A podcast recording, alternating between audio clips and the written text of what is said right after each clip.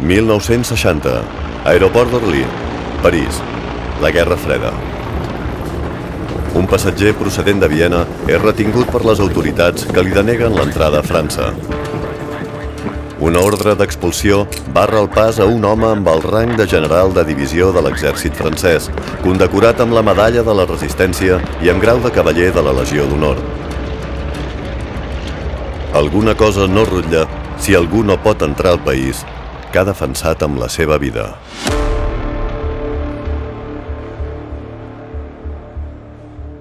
Com ho sabem, això? Vides. Memòria. Comunitat.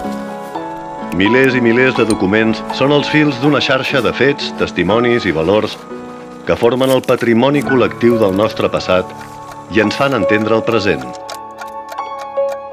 Benvinguts a l'Arxiu Nacional de Catalunya.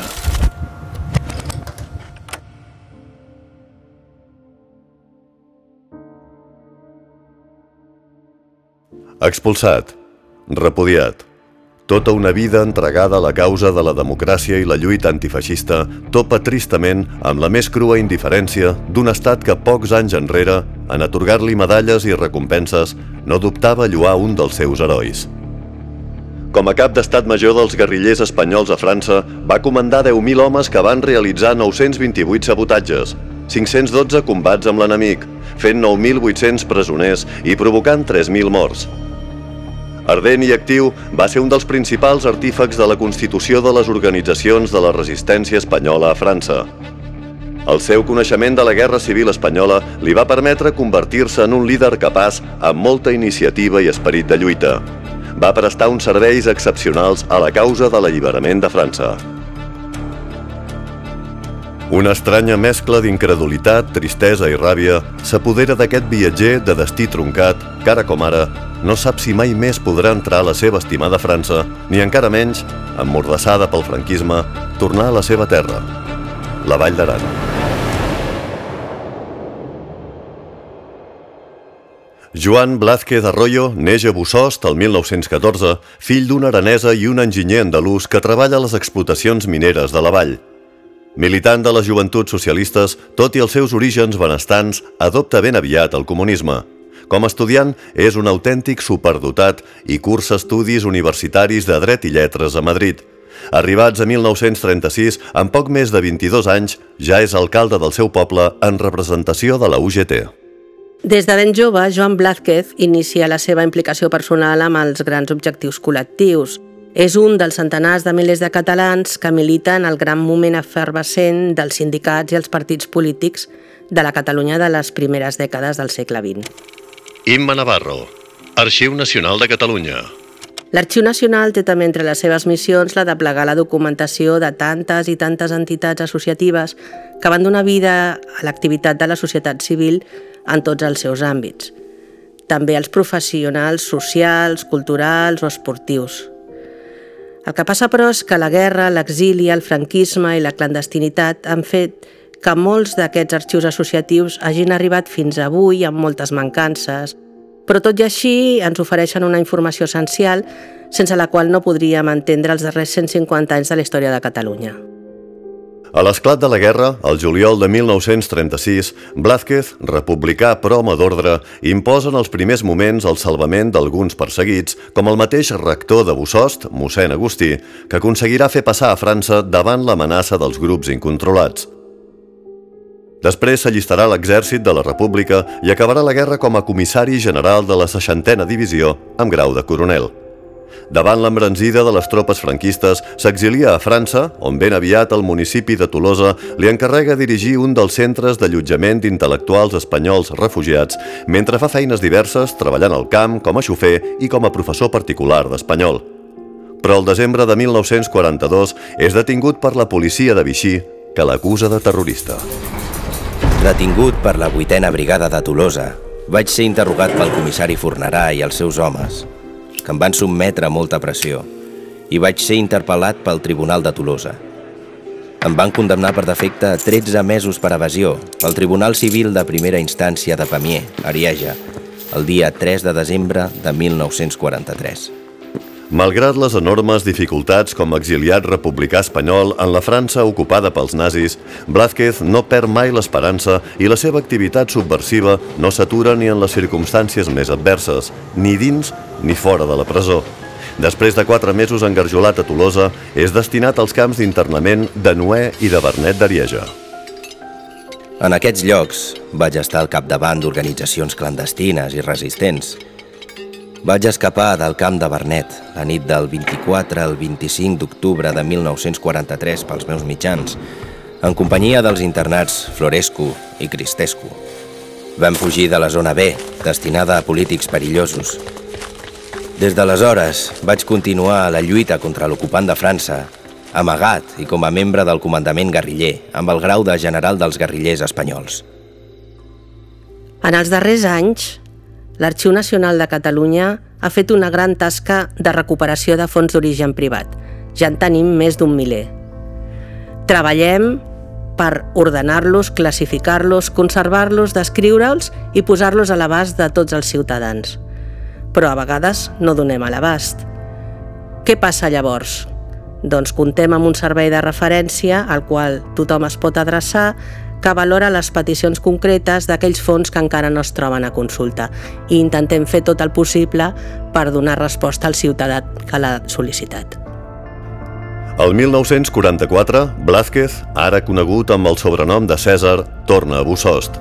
El nou context polític internacional, amb París alliberat de l'ocupació alemanya i una Europa on triomfa l'antifeixisme, sembla oferir unes condicions favorables per intentar fer caure el règim de Franco. Així que el Partit Comunista d'Espanya organitza un exèrcit amb milers de guerrillers que el 19 d'octubre entren a la península per diversos punts dels Pirineus, concentrant molts efectius a la Vall d'Aran, un lloc de pas fàcil. És l'operació Reconquesta i té per objectiu restituir el govern republicà a l'exili, amb Juan Negrín com a president i Viella com a capital provisional. Blázquez lidera la invasió de la Vall d'Aran, establint el seu quarter general a Bussost i donant la consigna de respectar la població civil. Un cop més, com ja va fer en esclatar la guerra, protegeix mossèn Agustí, ara situant dos homes armats a les portes de l'església per assegurar que els oficis religiosos es puguin celebrar amb normalitat malgrat els enfrontaments. Perquè és precisament aquí, al seu poble, on es produeixen els principals combats amb les tropes franquistes. L'estat major central de l'exèrcit franquista, degudament informat pel cos diplomàtic espanyol a França, està al corrent de les evolucions dels guerrillers des de fa setmanes. A més, coneix perfectament el seu enemic. Individuos aguerridos con buena moral e ideales principalmente comunistas y alimentados por un fuerte anhelo de desquite, dotados de buen armamento ligero, escasos de artillería, carentes de aviación y carros y con medios de transporte precarios. Municiones abundantes para infantería, pero difícil el municionamiento por la gran variedad de calibres. Dispone de ganado y vehículos de tracción hipomóvil, de gran capacidad para la guerra de guerrillas y de gran importancia desde el punto de vista político. Després d'una setmana de combats, l'avenç de les forces franquistes empeny els guerrillers de nou cap la frontera, la inferioritat manifesta en el número d'efectius i la manca de suport d'una població local esgotada, més amoïnada per la por de tornar a patir una guerra que no pas il·lusionada per les promeses de llibertat, llasten l'esforç dels guerrillers. Però l'operació Reconquesta té un altre element determinant en contra, l'atavió o fins i tot l'oposició de les democràcies que pensen sobretot a tancar la guerra amb Alemanya i a les que preocupa l'ombra creixent que projecta el comunisme arreu d'Europa. L'Arxiu Nacional ha plegat centenars de fons i documents personals relacionats amb l'experiència de la guerra, l'exili, els refugiats, la resistència, la guerrilla i la lluita antifranquista. Per fer-ho de manera més eficaç, ha col·laborat durant dècades amb agents públics com el Centre d'Història Contemporània o el Memorial Democràtic, però també amb diverses entitats memorialistes de l'àmbit privat que han anat sorgint amb l'objectiu d'identificar i salvar aquests testimonis insubstituïbles, precisament ara, quan les persones que els van viure desapareixen pel pas inexorable del temps. Entre aquestes cal destacar la relació de més de 20 anys amb l'Associació Archivo Guerra i Exilio, AGE, que ha permès ingressar a l'arxiu més de mig centenar de fons valuosíssims procedents d'arreu d'Europa i Amèrica. L'operació Reconquesta naufraga estrepitosament, però els guerrillers, en la seva fugida cap a França, deixen uns papers enganxats als arbres amb un missatge que llegeixen les tropes franquistes. Tornarem per primavera. És la segona vegada que Blázquez ha de deixar la seva terra per salvar la pell en una trista retirada cap a terres franceses i, malgrat la desfeta, les seves profundes conviccions polítiques continuen inalterables. Hoy, los antiguos fuerzas francesas del interior y resistentes españoles decimos a quien quiera oírnos nuestra confianza y fe en el pueblo español, en nuestra lucha, en la victoria de la República. Declaramos no cejar en el cumplimiento del mandato del que nos hicieron depositarios los 1.200 guerrilleros españoles caídos en la campaña de Francia.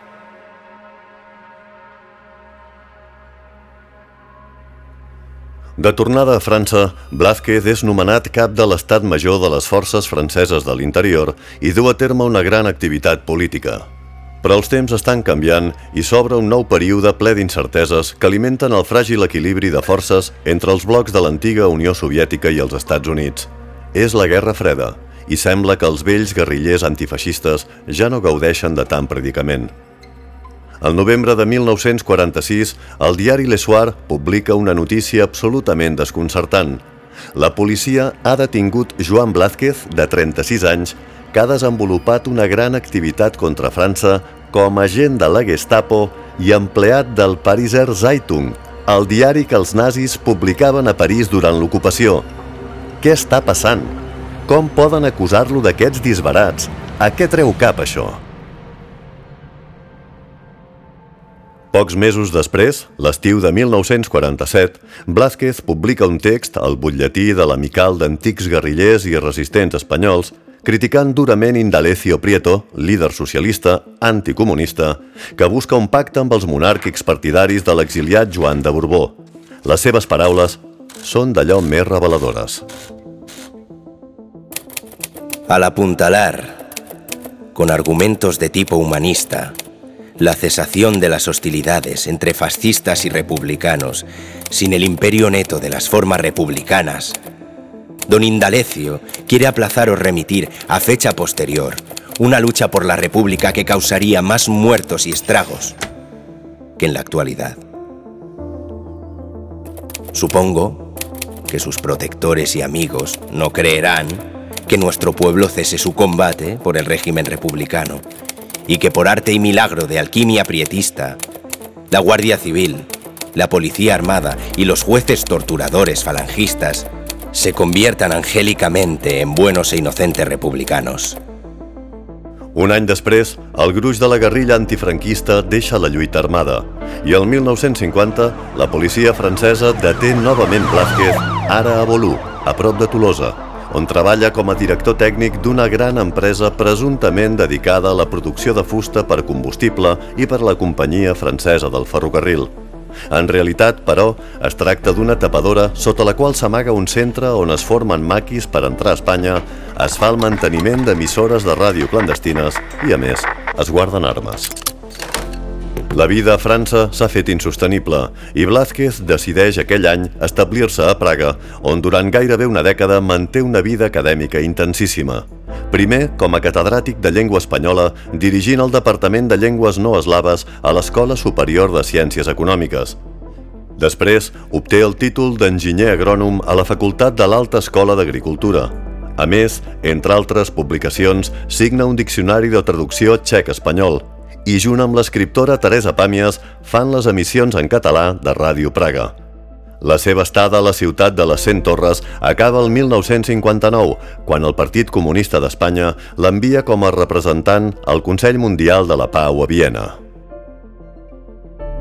Resultat del reconeixement públic dels seus serveis a la República Francesa i a Txecoslovàquia comunista, al fons, el general Blázquez conserva documents singulars i també objectes com medalles o braçalets d'identificació de les forces franceses d'interior, amb un valor testimonial extraordinari. A banda de la producció de les seves pròpies exposicions, una altra de les activitats habituals a l'Arxiu Nacional és també el préstec d'aquesta mena de documents i objectes, que tenen una gran força simbòlica i que ens demanen sovint totes les entitats i centres museogràfics i culturals per la seva difusió en exposicions i mostres temporals. L'arxiu col·labora així amb totes les entitats patrimonials en la construcció de la memòria del país.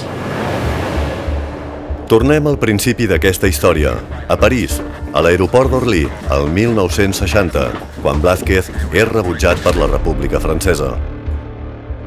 Tampoc no pot tornar a la seva terra ara sota la dictadura franquista. Així en parlava la seva parella, Dolores Clavero, guerrillera com ell. Encara que no va poder tornar mai més, en el pensament sempre va tenir present el seu petit país – en recórrer món, quan trobava alguna publicació relacionada amb la Vall d'Aran, sempre la comprava, la llegia amb gran entusiasme i melangia enorme. Sempre deia, això, allò, podria anar bé per la Vall d'Aran, però va morir just abans que el dictador. Efectivament, Joan Blázquez Arroyo mor el 10 de desembre de 1974 a Salé, la costa atlàntica del Marroc, on els últims anys de la seva vida va treballar al servei del govern marroquí en les explotacions forestals entre Rabat i Casablanca. Parlava català, castellà, aranès, francès, anglès, txec, rus i àrab. Ho va donar tot per defensar la democràcia arreu i per acabar amb els règims totalitaris a Espanya i a França. Va fer tot el que va poder jugant-se la vida per tenir l'oportunitat de trepitjar de nou el seu país lliure.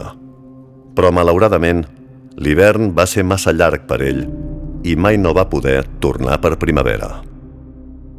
A França ens vam quedar als del carrer, a aguantar i a patir les persecucions de Vichy i de la Gestapo, contra les quals vam combatre amb totes les nostres forces, molt abans i molt més que els mateixos francesos, perquè lluitàvem contra el perllongament del feixisme que ens havia fet fora de la nostra pàtria.